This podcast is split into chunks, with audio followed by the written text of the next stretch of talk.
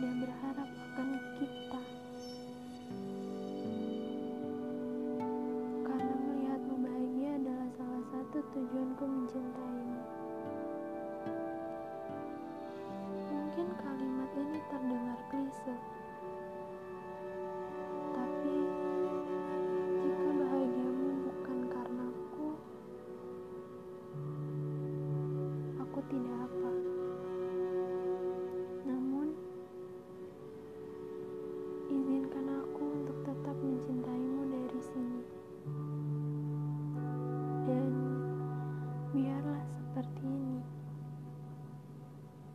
Karena hanya dengan ini aku tetap bisa berada di jangkauanmu.